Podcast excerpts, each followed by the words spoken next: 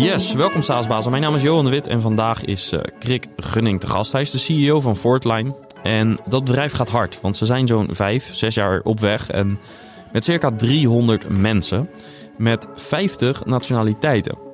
Nou, we praten over AI, over schalen, over uh, het bouwen van een complex product voor vooral ook een hele complexe markt. Want daar kun je in uh, hun geval gerust over spreken. Maar eerst een shout-out uh, naar Leadinfo. Zij maken deze show mede mogelijk en met Leadinfo kun je precies zien welke bedrijven er op jouw website zitten.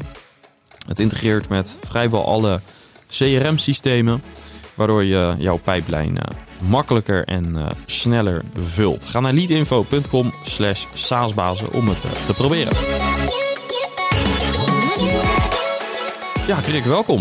Dankjewel, Johan. In de SaaS podcast waar we het gaan hebben over uh, jouw SaaS-bedrijf... wat nogal in een, ja, ik noem het maar even hypergrowth scenario zit, denk ik. voelt dat ook zo trouwens? Jazeker. Want kun je ons een beetje meenemen naar waar, wanneer ben je eigenlijk begonnen met Fortline? Nou, het is een, denk ik iets ander verhaal dan de meeste gasten die je hebt gehad. Um, ik ben uh, aan boord gekomen bij een andere fintech genaamd SafeNet. En daarmee moesten wij een B2B spaarplatform bouwen. Hadden we vergunning voor nodig.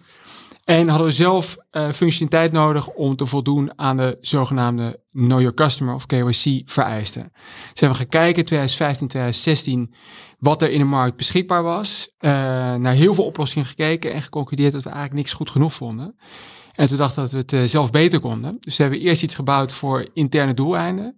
Waarbij eigenlijk het doel was om, om drie problemen op te lossen. Dus één, financiële instellingen moeten voldoen aan hele strenge wet en regelgeving uh, tegen witwassen. Uh, maar ook privacy. Dus uh, in Nederland heb je de WWFT op het eerste punt en AVG of GDPR op het tweede punt. En ja, daar heb je eigenlijk heel weinig ruimte om de mist in te gaan. Dat hebben we ook recent in de nieuws gezien. Want WFT is wet financiële toezicht? Wat, wat ja, je hebt wet, de WFT en de WWFT. En ja? de WWFT is de, eigenlijk de Nederlandse implementatie van wat in Europa de Fifth AML Directive heet. En het ziet specifiek op het tegengaan van witwassen en terrorismefinanciering. Ja. Uh, en daar is heel veel om te doen in, in recente jaren. Um, dus dat, dat, is heel lastig. Uh, het tweede is, en dat weet iedereen, de financiële sector is eigenlijk heel snel veranderd uh, naar een mobile first industrie. Dus mijn eerste bankrekening opende ik door echt een bankkantoor binnen te lopen. Mijn paspoort te laten zien. Ik kreeg een kopje, koffie en een bankrekening. Ja. En nu willen het allemaal any device, anytime, anywhere. En willen ook nog heel snel antwoord krijgen. Ja. Nou, die twee, uh, die wringen natuurlijk met elkaar. Aan de ene kant hele streng, strenge wet en regelgeving. En aan de andere kant hele goede UX en conversie. En het derde punt, en dat is eigenlijk waar veel van de andere oplossingen die we zagen de mist in gingen. Zag heel veel financiële instellingen die eigenlijk drie, vier, vijf verschillende point solutions uh, implementeren. Maar dan nog steeds een enorm team in de back-office hadden zitten die handmatige checks aan het doen waren. Mm. Dus in een bepaald opzicht voelde het als een ja, soort uh, façade waarbij het voor jou als eindconsument wel een digitaal proces is, maar eigenlijk vastloopt in de back-office. En dat wilden we anders doen. Ja. Um, dat hebben we gebouwd. Uh, en toen het up and running was, werden wij in 2017 benaderd door een aantal fintechs. Die zeiden, kunnen wij dat niet standalone gebruiken? Want hoe zagen zij dan dat jullie dat hadden? Was dat zo aan de voorkant van jullie eerste product? Nou, ik denk dat die, de hele fintech sector in Europa is niet zo heel erg groot. Dus mensen praten met elkaar en ze wisten dat wij daar iets, uh, iets moois hadden. Um, en toen zijn een aantal partijen aan ons toegekomen uh, in de tweede helft van 2017. Um, en toen hebben we in januari 2018 het live gezet als apart product. Dat is heel hard gaan groeien tot het punt waar we in de zomer van 2019 zeiden... het schalen van één bedrijf is al best ingewikkeld. Twee bedrijven met twee totaal verschillende producten onder één team en één merk gaat niet werken. We hebben eigenlijk twee bedrijven gesplitst en de KBC-activiteiten omgedoopt in Fortline. Dus als oplossing zijn we iets meer dan vijf jaar live. Als merk bestaan we drieënhalf jaar. Wauw. En, en kun je wat, wat nummers delen over waar jullie nu staan? In, in termen van headcount of, of dat soort dingen? Eh, Hoe, hoeveel nationaliteit? Want dat was behoorlijk impressive. Ja, ja, we hebben iets minder dan 300 mensen, 50 nationaliteiten, uh, 60, 40 uh, split man-vrouw, wat uh, in de techsector ook redelijk ongebruikelijk is. Ja? Ongeveer de helft van het team zit in Amsterdam en de andere helft in Barcelona. Um, en wij doen eigenlijk de, de checks op particulieren in heel Europa. Um, dus we zijn een B2B2C oplossing. Dus onze klanten zijn financiële instellingen, zowel uh, hele hard groeiende fintechs Uh, moet je denken aan bijvoorbeeld N26, Trade Republic, Scalable Capital. Uh, maar ook meer traditionele financiële instellingen zoals bijvoorbeeld Western Union en Nationale Nederlanden. En die helpen we in heel Europa. En dat betekent dat um, de financiële instellingen die wij nu bedienen zitten met name in de Dag- en Benelux-regio. Maar als je kijkt waar het volume zit, dan zijn onze grootste markten Frankrijk, Italië, Spanje en dan de Benelux. Dus we hebben dit eigenlijk vanaf dag één opgezet als echt een Europese play. Dat zien we als onze thuismarkt. Ja, en, en um, zit er dan ook nog iets in als een VS-ambitie? Of is, dit, is de wet en regelgeving zo specifiek Europees dat dat moeilijk is? Ja, kijk, ik denk dat als je kijkt naar waarom focussen wij op uh, Europa. We hebben eigenlijk gekeken aan het begin waar speelt dit probleem. Dus uh, als je in de breedste zin van het woord is het identificatie. Dus hoe weet ik wie jij bent en hoe weet ik of ik met jou zaken mag doen. Ja, je wilt de digitale boeven eruit halen. Ja, maar ik denk dat als je kijkt naar uh, aan de ene kant van het spectrum, Airbnb vraagt ook om jouw rijbewijs. Nou, waarom doen ze dat? Omdat ze daarmee uiteindelijk het vertrouwen in het platform kunnen vergroten. Dus het is waarschijnlijker dat ik jouw appartement ga huren of andersom als jij een groen vinkje hebt en je gecheckt bent. Ja. Maakt het Airbnb echt uit als jij er een keer met een vals rijwijs doorheen komt? Nou, eigenlijk niet. Dus dat is één kant van het spectrum. Helemaal aan de andere kant van het spectrum heb je financiële instellingen. Waarbij als jij een bankrekening geeft aan een terrorist, dan heb je als financiële instelling een enorm probleem. Sterker nog, in Nederland hebben we gezien dat je zelfs als bestuurder dan vervolgd kan worden. Um, en dat betekent dat wij in een vrij vroeg stadium zijn gaan kijken: oké, waar zit nou echt onze product market fit? En ik heb aan het begin naar alle sectoren gekeken. Dus ik heb inderdaad gekeken naar de Airbnb's, naar vliegmaatschappijen, uh, naar autohuurbedrijven, zelfs datingbedrijven, want daar, ook daar komt identiteitsfraude voor. Hm. Um, maar al vrij snel kwamen we erachter dat aan zeg maar, de Airbnb-kant van het spectrum heel veel partijen zijn die iets hebben wat goed genoeg is. Dus daar zie je enorme druk op prijzen, een beetje commoditization. Terwijl aan de andere kant van het spectrum, en dat komt door, uh, doordat wij zelf een financiële instelling zijn, eigenlijk heel weinig partijen echt kunnen leveren wat die financiële instellingen zoeken. Dus we hebben gezegd, dat is qua vertical waar wij achteraan willen gaan. Gelukkig is dat uh, ongeveer de helft van de markt. Dus een, een, markt wereldwijd van 20 miljard.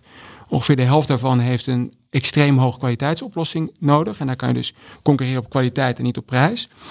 En qua geografie, want dat is je vraag, um, is het eigenlijk zo dat Europa de lastigste markt is wereldwijd. Want hier hebben we de strengste wet en regelgeving rondom anti-witwassen en de strengste wet en regelgeving rondom privacy. En dat betekent dat als je hier iets bouwt wat goed genoeg is, is dat een hele interessant, interessante positie om in de toekomst ook naar andere markten te gaan. Je noemt specifiek Amerika. Dus qua um, sector eigenlijk totaal andere markt. Dus privacy bestaat daar op federaal niveau niet. Je ziet wel, staten zijn nu wetgeving aan het um, implementeren die heel vergelijkbaar is met GDPR. En qua anti-witwaswetgeving is het ook heel anders. Dus je kunt daar uh, soms nog een bankrekening openen met alleen je social security number. Ja, dat is gewoon een totaal andere markt. Dat is, dat is een, een, ping van 10 cent naar Experian. Dat is niet waar wij uh, product market fit hebben. Ik denk wel dat als je kijkt naar hoe wereldwijd um, regulering werkt, is de kans heel groot dat Amerika over tijd meer de Europese kant op gaat. Ja, precies. Ja, dus eigenlijk je hebt gekozen voor het allermoeilijkst. Ja. Daar komt het eigenlijk op neer. En uh, uiteindelijk, als je dat moeilijkste marktsegment hebt, dan komt de rest vanzelf, uiteindelijk. Mogelijk. Ja, kijk, ik denk dat wat wij zeggen is, je kan uh, door alleen te focussen op de financiële sector en alleen te focussen op Europa, kan je naar, naar meer dan 100 miljoen omzet uh, als Fortline. Nou, dat is onze ambitie. En dat betekent dat we hebben gezegd, we willen niet afgeleid worden van allerlei andere kansen die er misschien op andere continenten zijn. We moeten eerst zorgen dat we Europa, onze, onze home turf, dat we die verdedigen. En, en uh, is deze visie ook al vanaf dag, was die zo duidelijk? Dat je, want nu zeg je echt heel specifiek, dit is onze richting. Uh, ook naar intern zou je dat zeggen. Uh, heb je dat vanaf begin af aan zo gedaan? Of hebben jullie eerst wel wat breder gekeken? Is, is dit ontstaan, zeg maar? Nou, kijk, ik denk dat ehm, als je kijkt naar de de, de oorsprong van het bedrijf, dan is het echt gebouwd voor een financiële instelling. In eerste instantie onze eigen en later voor derde. Uh, wat ik net zei, ik heb wel naar allemaal andere sectoren gekeken. Maar eigenlijk kwam je heel snel erachter dat um, die sectoren iets anders willen. Dus ik heb, ik heb zelfs ook naar de, de, de goksector gekeken, wat nog best een gereguleerde uh, sector is. Maar daar eigenlijk wil uh, de klant toch net iets anders. En, hm. en een manier om daarover na te denken is: wil je dat er op jouw hek een bordje hangt pas op voor de hond? Of wil je echt een hond hebben? En ik denk dat Fortline product market fit heeft met de mensen die echt een waakhond willen hebben, niet alleen het bordje. Ja. Mooi. En, en uh, wat ik gaaf vind is de duidelijkheid uh, zeg maar, die je daarmee schept. En ik denk ook naar alle stakeholders uh, die je hebt. voor veel SaaS-founders is dit best een moeilijk thema. Um, focus, iedereen zegt focus, maar het ook echt doen is, vraagt ook best wel een pittige beslissingen vaak. En in jullie geval was het dus echt het moeilijkste kiezen. Ja, qua product denk... ook en de eisen die er gesteld worden aan je product. Ja, maar ik denk dat uiteindelijk wil iedereen een mooi waarde voor een groot bedrijf bouwen. En dat betekent dat je ook iets moet hebben wat een verdedigbaar competitief voordeel heeft over de lange termijn. Maar wat gaf jou het vertrouwen dat, je dat, dat, dat jullie dit konden? Was dat omdat je het al eerder voor jezelf had gebouwd? Of? Ja, kijk, ik denk dat een manier om erover na te denken is, ik denk dat uh, als je 100 ondernemers vraagt wat ze van uh, wet en regelgeving vinden, zullen er 99 zeggen dat het de business beperkt. Uh, en ik zeg dat het de business creëert. Dus ik vind het heel mooi om wet en regelgeving, in ons geval vrij complexe wet en regelgeving, te bekijken en dan te bedenken, oké, dit is ingewikkeld. Hm. Maar als je het oplost, zijn er heel veel mensen die willen betalen voor het feit dat jij de complexiteit eruit hebt gehaald. Ja. Dus ik zal een voorbeeld geven. Uh, niet iedereen zal, zal Europese wet en regelgeving interessant vinden. Maar toch in één minuut zijn eigenlijk twee types. Je hebt uh, zogenaamde regulations, die gelden hetzelfde in alle lidstaten van de EU. Het bekendste voorbeeld is GDPR. GDPR is hetzelfde in Parijs als het in Rotterdam is. Tweede zijn directives. En directives moeten omgezet worden in uh, nationale wet. Dus ik noemde net de Fifth ML Directive in Nederland omgezet in de WWFT. En dat is eigenlijk in alle lidstaten zo gedaan. En dat betekent dat als jij een financiële instelling bent, kun je uh, je vergunning paspoorten, dus kun je onder Nederlandse vergunning in heel Europa uh, je diensten verlenen. Maar je kunt er ook voor kiezen om een lokale branche op te zetten. dan moet je aan lokale wet en regelgeving voldoen.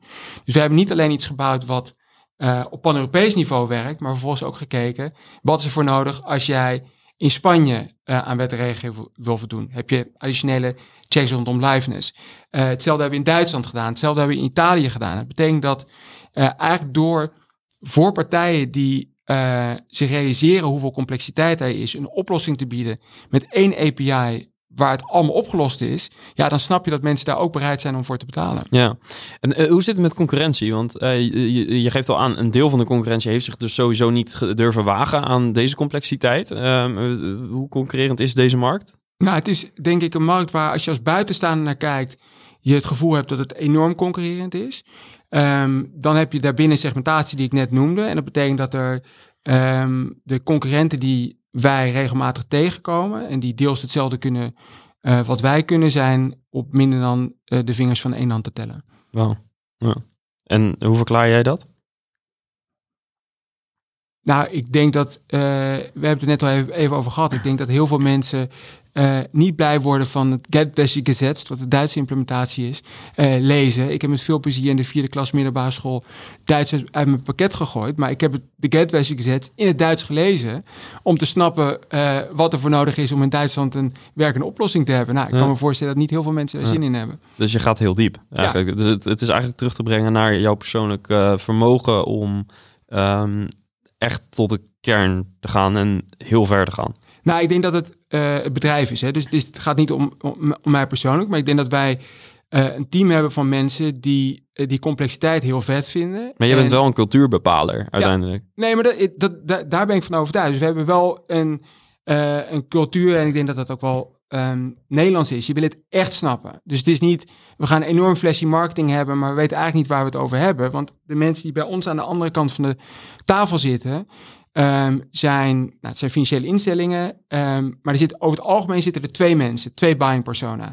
Eentje is iemand met een commerciële pet op, of Head of International, Head of Growth, Chief Commercial Officer, die wil weten dat het makkelijk te integreren is, fantastische UX heeft, een hele hoge conversie. En dan zit er ook iemand uh, met een, een WISC, een legal of een compliance pet op, die eigenlijk alleen maar denkt, ga ik ontslagen worden als we met Fortline in zee gaan? Nou, en waar wij in staat uh, voor moeten zijn, zowel aan de commerciële kant, maar ook aan de technische kant, is om beide personen het gevoel te geven dat wij de aller, allerbeste oplossing zijn die ze kunnen kiezen. En dat betekent dat je uh, als techpersoon de commerciële man kunt vertellen over, over hoe je conversie meet, hoe je de UX uh, eh, optimaal getweakt hebt. Maar er zit iemand daar die wel wil weten of je de Geldwäsche gezet hebt gelezen. Ja. En je moet dus allebei doen om succesvol te kunnen zijn. Want als maar één van de twee enthousiast is, ga je de sale niet kunnen doen. Ja. Waar ik heel benieuwd naar ben, hoe, hoe maak je dit in je hele organisatie schaalbaar? Want ik kan me voorstellen dat je dit in, in, in nou, bijvoorbeeld met hele goede salesmensen, met goede consultants, ik weet niet hoe jullie ze noemen, maar dat je dat uh, dus op, op, op kleinschalig niveau kunt doen. En jij kunt dat zelf als founder met uh, jouw uh, begeistering, zeg maar, doen. Maar hoe, hoe bouw je een cultuur in zo'n snel groeiende organisatie die datzelfde vuur heeft en hetzelfde vermogen om zo kritisch te zijn en dit niveau te halen? Nou, ik denk dat het bij ons echt uh, de eerste drie jaar uh, volledige focus op het product geweest is. Uh, er zit bij ons een hele zware component aan de AI-kant. Um, en je leest zeker sinds ChatGPT nu over een ontploffing van startups die roepen dat ze iets met AI doen. En ik denk dat in heel veel van de gevallen het of partijen zijn die roepen dat ze iets doen met de AI, maar eigenlijk niks doen. Of het partijen zijn die een heel dun laagje over iets anders heen bouwen. Dus ja, het is mooi als je een API kon naar ChatGPT kunt doen, maar dan ben je nog geen uh, eigen AI-bedrijf. En ik denk dat als je kijkt naar wat wij helemaal, als je dus helemaal teruggaat naar de keuze die we hebben gemaakt om in plaats van allemaal point solutions zelf iets te bouwen, eigenlijk dat was de aller uh, ingewikkeldste keuze. Want het betekent eigenlijk dat je uh, vijf bedrijven in één gaat bouwen. Want je moet elk van die point solutions heb je nodig, maar je gaat het zelf bouwen. Um, en je moet het beter doen dan elk van die point solutions afzonderlijk. Nou, dat, daar, de filosofie daarachter is, je moet het op één tech stack hebben en het moet allemaal proprietary technology zijn. Dus je moet het zelf gebouwd hebben, je moet het zelf onder controle hebben. Je moet het zelf kunnen uitleggen, wat heel belangrijk is in deze sector. En het tweede gaat over gebruik van data. Uh, dus je hebt extreem veel data nodig om te voldoen aan de wet en regelgeving. Maar je hebt misschien nog wel meer data nodig om te bewijzen um, dat datgene wat je gebouwd hebt werkt. Um, en in uh, de sector waarin wij opereren en de, de, de manier waarop wij AI toepassen, heeft het ons bijna drie jaar gekost om tot een echt heel hoogwaardig schaalbaar product te komen. En de reden daarvoor is, we doen op, op elke particulier uh, die een rekening wil openen, doen we ongeveer 210 checks. Toen we begonnen, waren er vrij veel handmatig van. En we hebben gezegd, we gaan alleen een check automatiseren als we op basis van data kunnen aantonen dat het algoritme het beter doet dan een mens het zou doen. Dus niet gelijk kwaliteit, beter. Het betekent dat, dat je dus iets bouwt, je traint het, dan ga je checken, en vervolgens laat je het in parallel runnen met, uh, met een mens. En alleen als het algoritme structureel beter is, flip je de switch. Nou, dat betekent dat wij eigenlijk gewoon drie jaar lang enorm veel hebben moeten bouwen en hebben moeten aantonen dat het zo goed is voordat je hard kunt schalen. Maar dat betekent ook um, dat als je kijkt naar het verdedigbaar voor, voordeel, ja, wij hebben daar gewoon aan technologie uh, in Nederland iets gebouwd dat echt heel vet is. Dus we doen, eh, wat ik zei aan de AI-kant, hebben we um, eigen modellen rondom biometrische verificatie. Dus het gaat eigenlijk over uh, het checken, is dit een echt mens en niet een, uh, een deepfake of een masker. Um, het facial matching, dus komt de foto in het paspoort overeen met degene die we voor de camera zien. Um, we hebben allerlei modellen rondom het kijken naar uh, jouw identiteitsbewijs. Dus als jij je met een paspoort aanmeldt, dan hebben we meerdere modellen die, die we daarop runnen. Sommige hebben concurrenten ook. Bijvoorbeeld checken, is dit een vervalsdocument? Nou, dan kan je kijken naar, je zijn, even, even het, meest simpele voorbeeld. Toen jij 16 was en uh, alcohol wilde kopen van een 6 en 8 maken. Nou, dat is wat we noemen amateur fraud, maar daar heb je vrij geavanceerde dingen van. Maar we hebben ook een model gebouwd dat het omgekeerde doet. En dat is uh, zeggen, dit is een echt document en hier zijn de drie redenen waarom. Is veel en veel moeilijker. En waar je dan op uitkomt zijn security features. Dus als je denkt aan het Nederlands paspoort, zitten onder je foto zilveren bolletjes die veranderen van kleur als je het document kantelt. Nou, dat is heel lastig na te maken. En dat is een, een publiek echtheidskenmerk. Dus iedereen weet dat het zit. Maar er zijn ook niet-publieke hmm. ectheidskenmerken. En die weet de overheid wel, maar weet een commercieel bedrijf als Fortline niet, tenzij je honderdduizenden van die documenten hebt gezien. En dan ga je ze herkennen. Ja. Dus is een document, ik zal niet zeggen uh, welke, het is een niet-Nederlands document, waarbij een van de letters in je naam de inkt net iets eerder stopt. Nou, ik kan je garanderen, er is geen crimineel ter wereld die dat weet. Wij weten het wel. maar jullie hebben dat ontdekt zelf. Ja, ja, ja. Wow. wow. Ja. en dat betekent dus ook, uh, want dat komt terug op heel lang antwoord op jouw vraag. Dat betekent dat je eigenlijk vanaf dag één mensen hebt die uh, data gaan verzamelen, dat is, dat is belangrijk, maar ook interpreteren. Dus waar zijn we nou op zoek? En wat zijn tekenen van, van een vervalsing, maar wat zijn dus ook tekenen van een echt document? En dat betekent dat wat Dus je wij- gaat naar falsificatie en naar validatie kijken, Ja. beide. Ja, Ja. ja. ja. Ehm, en, en dat betekent dat je, eh, om echt goed AI hierop toe te passen, heb je dus ook eh, nou, een, een bepaalde trainingsset van echte documenten nodig, maar ook een bepaalde trainingsset van frauduleuze documenten. En ja, daar zijn be- bepaalde eh, manieren voor om dat te doen. Ik gaf net het, zeg maar, het, amateur fraud voorbeeld, maar eh, ik zat vorige week eh, op een panel met een commissaris van de Franse Nationale Politie, daar hebben wij samenwerking mee.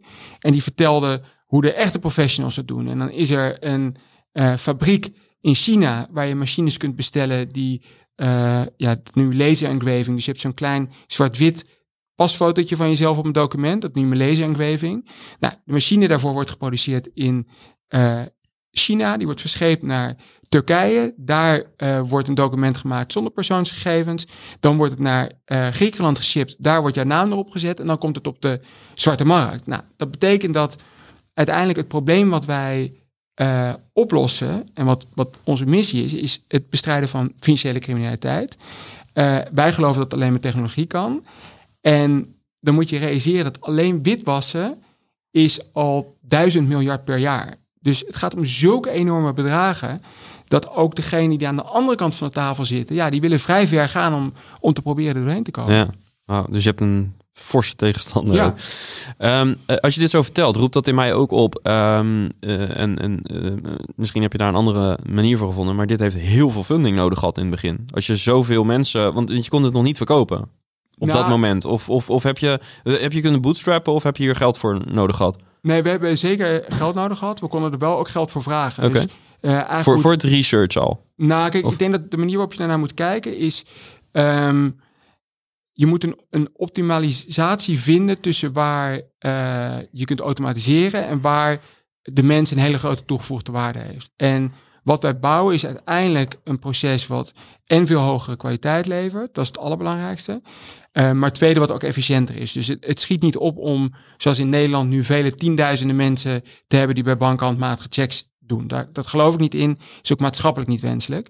Dus dat kan beter. Maar dat betekent dat je tegelijkertijd wel altijd nog mensen nodig hebt om naar bepaalde dossiers te kijken. Nou, en die ehm, verhouding is verschoven. Dus aan het begin was dat naar heel veel. En nu is dat veel minder geworden. Dus je kon al vragen voor het Ja. product. ehm, omdat het een bepaald base level al had. Ehm, maar naarmate het verbetert kan je er meer voor vragen. Is dat ja, het? nou, Ja. ik denk dat het meer is een gross margin discussie. Dus uiteindelijk eh, wil je als, als eh, techbedrijf boven de 70%, liefst boven de 80% zitten. Nou, dat zaten wij in de eerste twee jaar niet. Hm. Inmiddels wel. Eh, maar dat betekent dus dat je eigenlijk ook investeert vanuit de omzet die je haalt om gewoon uiteindelijk het product naar een echt extreem schaalbaar niveau te krijgen. Ja, en, en, en nog even terug naar het cultuurgedeelte. Want eh, nou ja, ik denk dat dit eh, is overigens fascinerend. eh, zo- die ont- ongelooflijke productfocus en, en echt leiderschap daarin willen hebben. Twee vragen erover. Eh, allereerst, ehm, hoe eh, schaal je eh, dus alles wat los staat van productontwikkeling, maar eh, alle functies die je nodig hebt binnen je bedrijf, van customer succes tot, tot marketing en noem maar op. Hoe schaal je zeg maar, deze, deze gedrevenheid die jij ook nu, zeg maar, wat, wat, je, wat je uitstraalt, wat jullie met bedrijf willen hebben? Hoe schaal je dat? Nou, kijk, ik denk uiteindelijk hetzelfde dat ik zei over wat is onze thuismarkt, dat is Europa. Dat geeft al aan dat wij eigenlijk vanaf het allereerste moment een extreem internationale blik hebben gehad. Dus het feit dat we nu met 50 nationaliteiten zitten, is geen toeval. En ehm, dat betekent dat je uiteindelijk op zoek gaat naar wat zijn de mensen die hierbij passen. En op het moment dat mensen bij ons aan, boord komen, wij eh, hebben een korte questionnaire die ze dan invullen. En dat wordt dan rondgestuurd naar het hele bedrijf, zodat iedereen weet wie er aan boord komt. En ik, ik zie, ik lees het allemaal altijd. En in merendeel van de gevallen komt eh, onze missie, dus het bestrijden van financiële cri- criminaliteit, komt terug als een van de redenen waarom mensen bij ons aan boord komen. Dus het is, mensen vinden het heel vet dat je een, bij een bedrijf komt wat technologisch iets heel moois doet, heel erg voor, voor het strevende technologie. Eh, twee, in een markt opereert waar je heel groot kunt worden. Maar drie, wat ook een positieve maatschappelijke impact heeft. Dus uiteindelijk, eh, ja, als het met Fortline goed gaat, gaat het met de maatschappij nog veel beter. Dus je, je wil eigenlijk, eh, ja, als Europa, dat bedrijf als Fortline nog veel harder groeien dan we nu doen. En ik denk dat eh, dat echt uitdragen in, in alles wat we doen en ook in de recruitment, betekent dat je eigenlijk een bepaald type mens selecteert. Dus ik denk al, al voordat mensen bij ons op het eerste gesprek komen, uh, ja, zien ze wat wij doen en dat vinden ze of heel vet of ze zeggen, nou dat past niet bij mij. En ik denk dat je dus eigenlijk van, vanzelf mensen krijgt die gewoon intrinsiek gemotiveerd zijn om hier een extreem succes van te gaan maken. Ja, dus het begint echt aan de voordeur. Ja. Ja, check. Andere vraag die ik had, uh, uh, los, los van hiring. Waar veel start-ups mee te maken hebben op het moment dat ze uh, nou, grote financiële instellingen targeten of, of, of andere uh, grote corp, überhaupt enterprise, dan is het voor heel veel uh, start-ups best wel lastig in het begin om een serieuze gesprekspartner te zijn, om überhaupt aan tafel te komen, omdat er toch vaak gekozen wordt voor de gevestigde orde en, en ga ze maar door. wat, wat, wat heb jij geleerd of wat hebben jullie gedaan op het gebied om, om die autoriteit ook uit te stralen en ook te hebben op het moment dat je nog aan het begin staat van, van je journey, zeg maar? Ja, is een hele goede vraag. En ik uh, ga niet beweren dat enterprise sales trajecten makkelijk zijn. Dus wij lopen tegen dezelfde dingen aan. Zijn lange sales cycles. Um, er zit, denk ik, wat ik net zei. Um, ja, ook een, er moet een momentum zijn waarop een, een uh, klant wil veranderen. Dus daar zijn we altijd heel erg alert op. Maar ik denk dat wa wat we wel als voordeel hebben gehad is... Um, wij hebben zes fintech unicorns als klant. En dat zijn uh, extreem agressief, veel eisende, hardgroeiende partijen. Maar die het ook heel mooi vinden als jij als le leverancier, want dat zijn we uiteindelijk, dezelfde mindset hebt. Dus ik denk dat waar wij heel veel baat bij hebben gehad, is in een heel vroeg stadium met een aantal van dat soort partijen uh, upteamen. En als je laat zien dat je ook in de, in de moeilijke tijden uh, er voor ze staat, dan betekent dat op het moment dat zij naar een nieuwe markt gaan, ze dat samen met jou willen doen. Betekent dat ook dat ze vergeeflijker zijn dan een traditionele bank? Ik weet niet of dat het goede woord is, maar... Nou, nee. want, want ze klinken heel kritisch, maar aan de andere kant weten ze ook zelf wat het is om technologie te ontwikkelen. Jawel, maar ik denk wel dat... Um, intern wel, maar zij staan ook onder toezicht. Ja. En, en, dan kom ik terug op wat ik aan het begin zei. Het is een, een product waar eigenlijk, um, ja, zoals de Engels het mooi zeggen, very little room for error. Ja. Dus wij, wij, wij kunnen niet uit de bocht vliegen. Nee.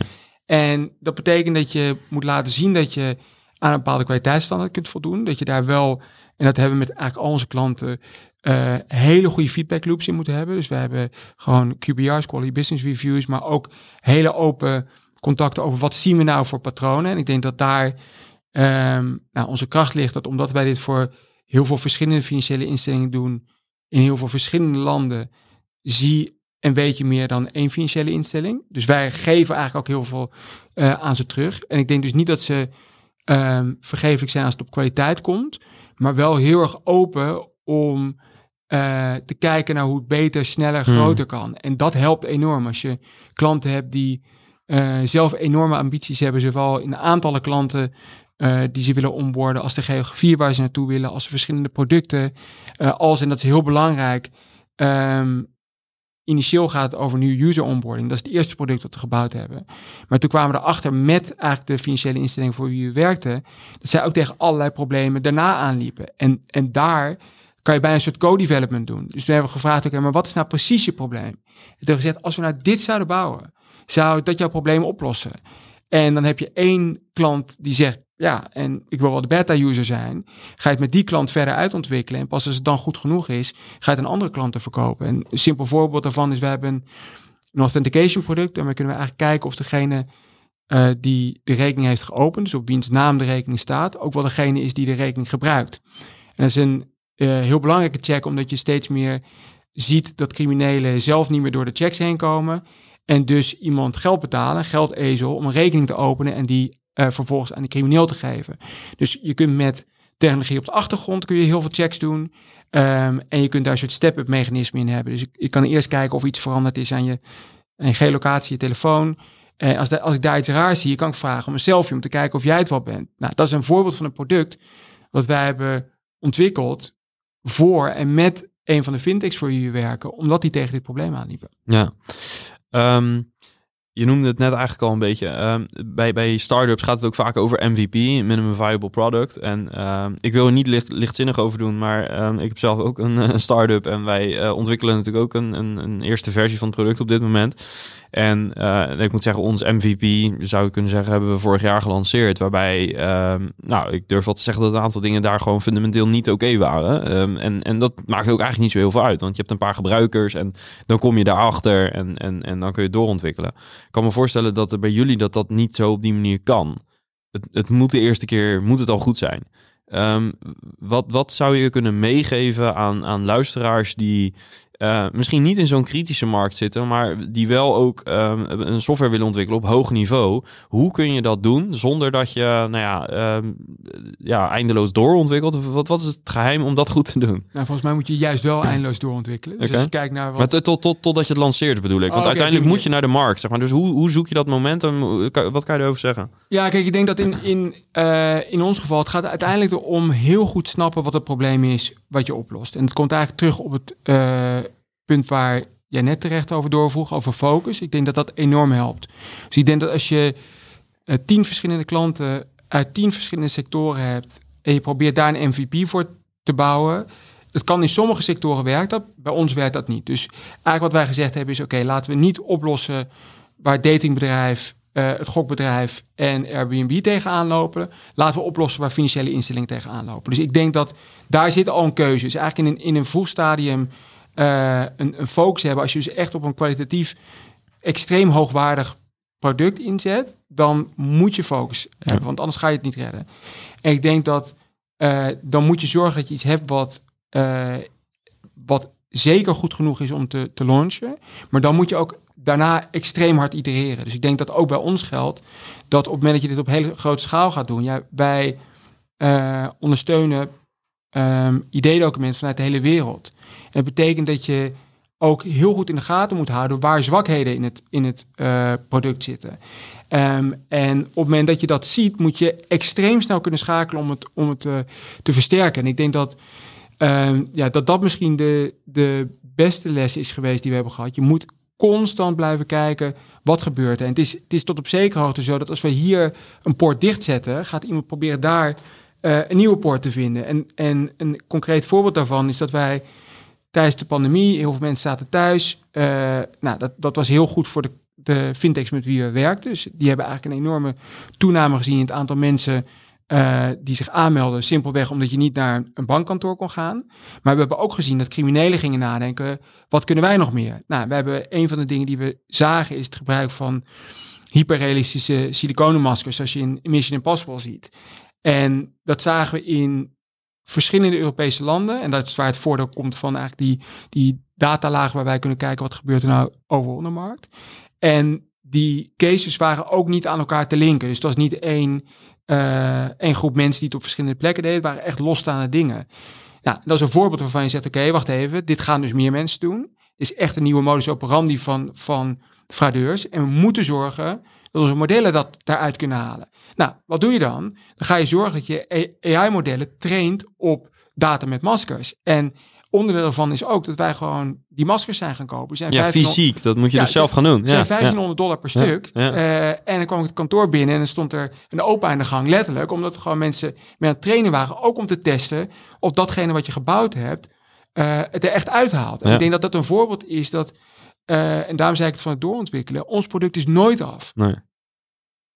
Uh, überhaupt geen enkel product als het goed is. Nee, maar ik denk dat het bij, bij in de sector waarin wij zitten.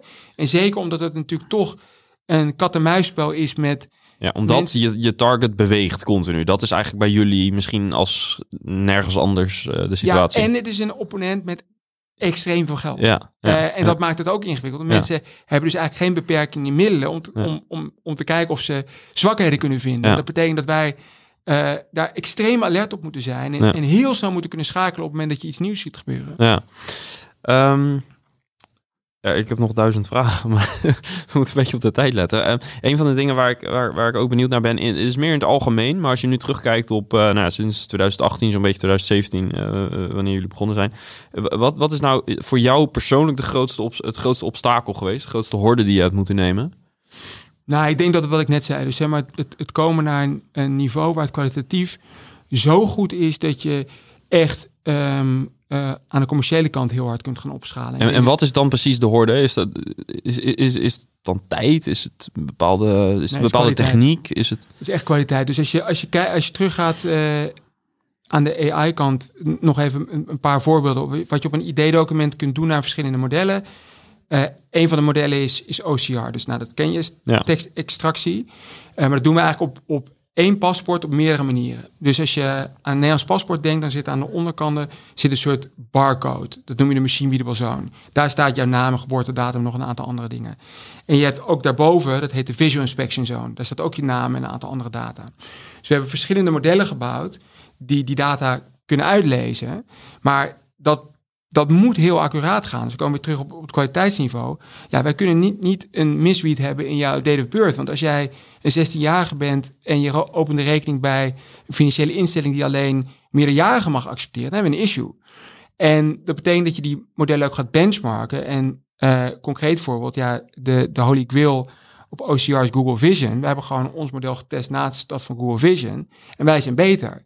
En dan is de vraag, hoe kan dat? Nou, omdat we gewoon iets gebouwd hebben voor een hele specifieke use case. Heel specifiek op ID-documenten. In plaats van een model wat OCR uit jouw telefoonrekening, je gasrekening en je paspoort moet, moet kunnen halen. En ik denk dus dat, ehm, dat, dat je heel erg toeleggen op voor één sector een heel complex probleem oplost tegen een he- hele hoge kwaliteit. Dat is waar by far de meeste pijn in zit.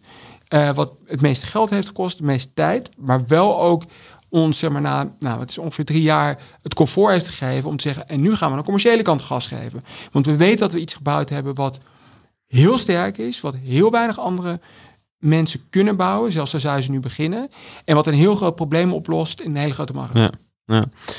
Ehm, en, in jouw persoonlijke rol als, als ehm, eh, zeg maar in, in de CEO-positie waar je, waar je zit, hoe voelt het voor jou eh, om deze verantwoordelijkheid te dragen? Want eh, er zijn nogal wat afhankelijkheden van jou uiteindelijk als je het helemaal downdrillt. Ja, ik denk dat wat iedereen zal herkennen is bij een hardgroeiend bedrijf veranderen dingen heel snel. Dus ik denk dat als je naar mijn rol kijkt, ehm, drie jaar geleden was die heel anders dan die nu is. En als ik in, succesvol in mijn rol wil blijven, moet ik zorgen dat ik over twee jaar ook eh, heel anders opereer dan ik nu opereer. Dus ik denk dat ehm, de, nou, eh, de enige constante is verandering. Dus je moet, je moet eigenlijk constant veranderen. En dat is zeker als je als bedrijf heel hard groeit, Ehm, betekent dat, dat eigenlijk iedereen die op een plek zit, moet, moet minstens even hard groeien als het bedrijf om over een jaar nog succesvol te zijn in die rol. En dat geldt ook voor mij. En ik denk dat wat je terecht zegt is door te kiezen voor een sector die zo complex is, waar zoveel ehm, gevoeligheid in zit, zowel bij toezichthouders, maar ook bij uiteindelijk ehm, de mensen die ons product gebruiken en ons vertrouwen met hun meest gevoelige informatie. Ja, er is een enorme verantwoordelijkheid om te zorgen dat wij eh, dat vertrouwen eh, niet beschamen. En ik denk dat daar eh, zit natuurlijk een soort constante zorg. We moeten zorgen dat wij echt leveren en echt doen wat eh, mensen van ons mogen verwachten. Ja, en hoe ervaar jij die druk? Dus, eh, kan je er slecht van slapen soms? In, in, in zeg maar de afgelopen jaren zijn die momenten er, letterlijk, figuurlijk. Nou, eh, letterlijk ja. Eh, en ja, ik, ik, ik lig heel vaak wakker en aan werk te denken. Soms is dat heel erg leuk, soms is het minder leuk. Vannacht ook over werk gedroomd. Dus zelfs al val je in slaap, dan houdt het nog niet op. Dus ik denk dat het iets is, maar ik weet niet of dat specifiek is van Fortline. Ik denk dat heel veel mensen die in deze podcast hebben gezeten dat herkennen. En ik denk jij zelf ook. Het is je bent, het zit zo in je DNA, het bedrijf, dat je, je kan niet dat uitzetten en zeggen, ja, het interesseert me eigenlijk nu niet wat er gebeurt. Zo werkt het niet. Maar dat vind ik ook wel heel erg mooi. Dat betekent dus dat je iets aan het doen bent wat je, uh, ja, wat je met zoveel passie doet, dat ja, ik vind het ook echt leuk, dat merk je, om hierover te vertellen. Want ik vind ja. het gewoon heel mooi wat we aan het doen zijn. Ja. En ik denk dat als je dan zeg maar de balans opmaakt, uiteindelijk haal ik heel veel meer energie uit Fortline dan dat me kost. Maar het betekent niet dat het me geen energie kost. Ja. En, en, en wat doe je zeg maar aan om af en toe even de druk eraf te halen? Of, of doe je dat überhaupt niet? Moet je, werkt het voor jou het beste om, om gewoon te blijven pushen? Nou, ik, eh, voor mij is, is sport de uitlaatklep. Dus dan ga ik Oké. hardlopen of ga ik bij racefiets zitten. En dan, eh, Ja. dat, werkt heel goed als balans. Ja, oké, heel goed. Ehm, en en eh, nou, tot slot, ehm, wat, wat als het gaat om, om het ontwikkelen van jezelf, wat je net al zei, ehm, eh, ook, hoe breng je dat ook over op je managementteam, de mensen om je heen? Eh, eigenlijk wat je zelf zei, hè, dat je gewoon, ik ben de naam kwijt, maar het, de Duitse eh, de boek doorgenomen. Ja. Ehm, hoe draag je dat uit naar de rest van je team? Hoe motiveer je de mensen om je heen? Hoe zorg je dat iedereen om je heen datzelfde houdt ook en vasthoudt? Ja, kijk, ik denk dat eerlijkheid gebied te zeggen, ik weet niet of dat altijd lukt, dat iedereen dat, dat vasthoudt. Ik denk dat als het bedrijf zo hard groeit, zijn er ook mensen die dat op een gegeven moment eh, niet leuk vinden of die de groei niet kunnen bijhouden. Dus die, die, die dus een andere rol willen binnen het bedrijf of waar je op een gegeven moment, dat is natuurlijk heel ingewikkeld met layering, soms moet je ervoor kiezen om iemand anders binnen te brengen en boven iemand te zetten. Dat is heel ingewikkeld, want dat zijn vaak mensen die enorm loyaal zijn, die het heel goed doen, die alle energie erin hebben gezet. Die het tot nu toe juist heel goed misschien gedaan hebben. Ja, ja, en, en eh, nou, dat vind ik zelf heel complex. Dus ik kan het uitleggen waarom het een goede beslissing is. Maar dat is niet altijd makkelijk als je met mensen heel intensief hebt samengewerkt. Maar ik denk dus dat je uiteindelijk moet kijken naar wat is er nodig in de komende 12 tot 18 maanden. En kunnen we wat doen met het huidige team? Of moet je, en dat is ook onderdeel geweest van hoe we het team op een gegeven moment ook versterkt hebben met mensen van andere bedrijven. Soms is het heel lekker om iemand binnen te halen die datgene wat jij in de komende 12 tot 18 maanden wil gaan doen, alles heeft gedaan. En daar ook de valkuilen kent en die binnen kan komen. En eigenlijk het team juist weer kan versterken. Want kan zeggen, luister jongens, I've been there. Eh, is fantastisch wat we aan het doen zijn. Maar laten we voorkomen dat we in diezelfde valkuilen trappen waar ik al eens eerder in getrapt ben. Dus ik denk dat je ook een, eh, ja, een, een per fase moet kijken naar welke mensen vinden het leuk, passen bij deze fase. En kan dat intern met promoties of moet je af en toe mensen van buiten halen? Ja. Eh, toch nog helemaal tot slot, want eh, als het gaat, je noemt nu het woord fase, wat ik eh, altijd heel interessant vind. Als, je, als je terugkijkt op, zeg maar, van 0 naar, nou, richting de 300, zeg maar, mensen. wat zijn de belangrijkste omslagpunten als het gaat om headcount? Dus wanneer verandert je bedrijf het meeste, dynamiek in je bedrijf? Ja, ik denk dat het. ik weet dat het eerder ook al gezegd is dat het rond de 100 man is. Dus het is Hmm. op een gegeven moment een, een, een punt waarbij je merkt dat je niet meer alles weet wat in een bedrijf gebeurt. En dat zijn in die beginfase weet je uiteindelijk alles. Misschien niet op het moment dat het gebeurt, maar maar je weet precies van, van iedereen waar ze mee bezig zijn, wat er speelt. En er komt een omslagpunt waarbij dat niet meer zo is. En dat is echt een hele fundamentele verandering. Want dat betekent namelijk dat je van anderen afhankelijk bent eh, voor de informatie die je krijgt. En dat is echt een hele grote verandering. Ik denk dat, waarom ik net even twijfelde, is bij ons speelt er ook nog de hele pandemie doorheen. En dat, is, dat heeft ook geleid tot een hele andere manier van ehm, ja, informatie krijgen. Dus daar, daar lopen een beetje twee effecten door elkaar heen, waardoor ik het ingewikkeld vind. Omdat ik gewoon merkte dat eh, wat ik het meeste miste tijdens de lockdowns is gewoon rondlopen op kantoor. Mm. En hoeveel informatie je eigenlijk krijgt als je gewoon een rondje door kantoor loopt en misschien maar een paar minuten met iemand praat, maar dan eigenlijk wel heel veel informatie krijgt. En dat Mm. heb ik toen heel erg gemist. Maar ik denk dat dat wel een structurele verandering is als dat team groter wordt. Ja. Onwijs bedankt voor het eh, delen van je verhaal. En ik vind het inderdaad mooi om de... Het, het, klinkt cliché, passie. Maar in dit geval is het denk ik wel echt op zijn plek. Ik vind het echt fantastisch hoe dat er afspat, zeg maar. En ook eh, fascinerend en eh, motiverend. Dus eh thanks Ja, mooi dat het overgekomen is. Heel veel dank voor je tijd, Jan. Dankjewel. Ja, en tot zover het gesprek van vandaag. Bedankt voor het luisteren weer.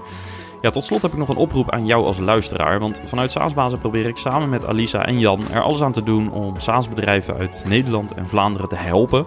Bijvoorbeeld eh, door deze podcast te maken. En we zijn hierbij sterk afhankelijk van onze sponsors. Maar we willen ook onafhankelijk blijven en hebben daarom jouw support nodig. Met een lidmaatschap op SaaS-bazen voor 300 euro per jaar doe je dat. Als je lid wordt, kunnen we ja, meer waarde teruggeven. En bovendien krijg je er, eh, ja, je krijgt er dus ook veel zelf voor terug. Want allereerst krijg je korting op onze events, voorrang bij events.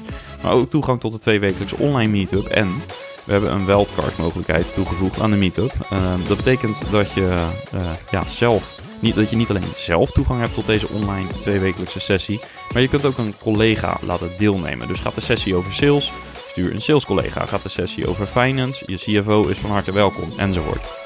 Dus ga naar saasbazen.nl om je lidmaatschap af te sluiten. Daarmee help je ons en jezelf. En uh, ja, kunnen wij meer voor jou betekenen. Dank voor je support en volgende week staat er weer een nieuwe aflevering voor je klaar. Ciao!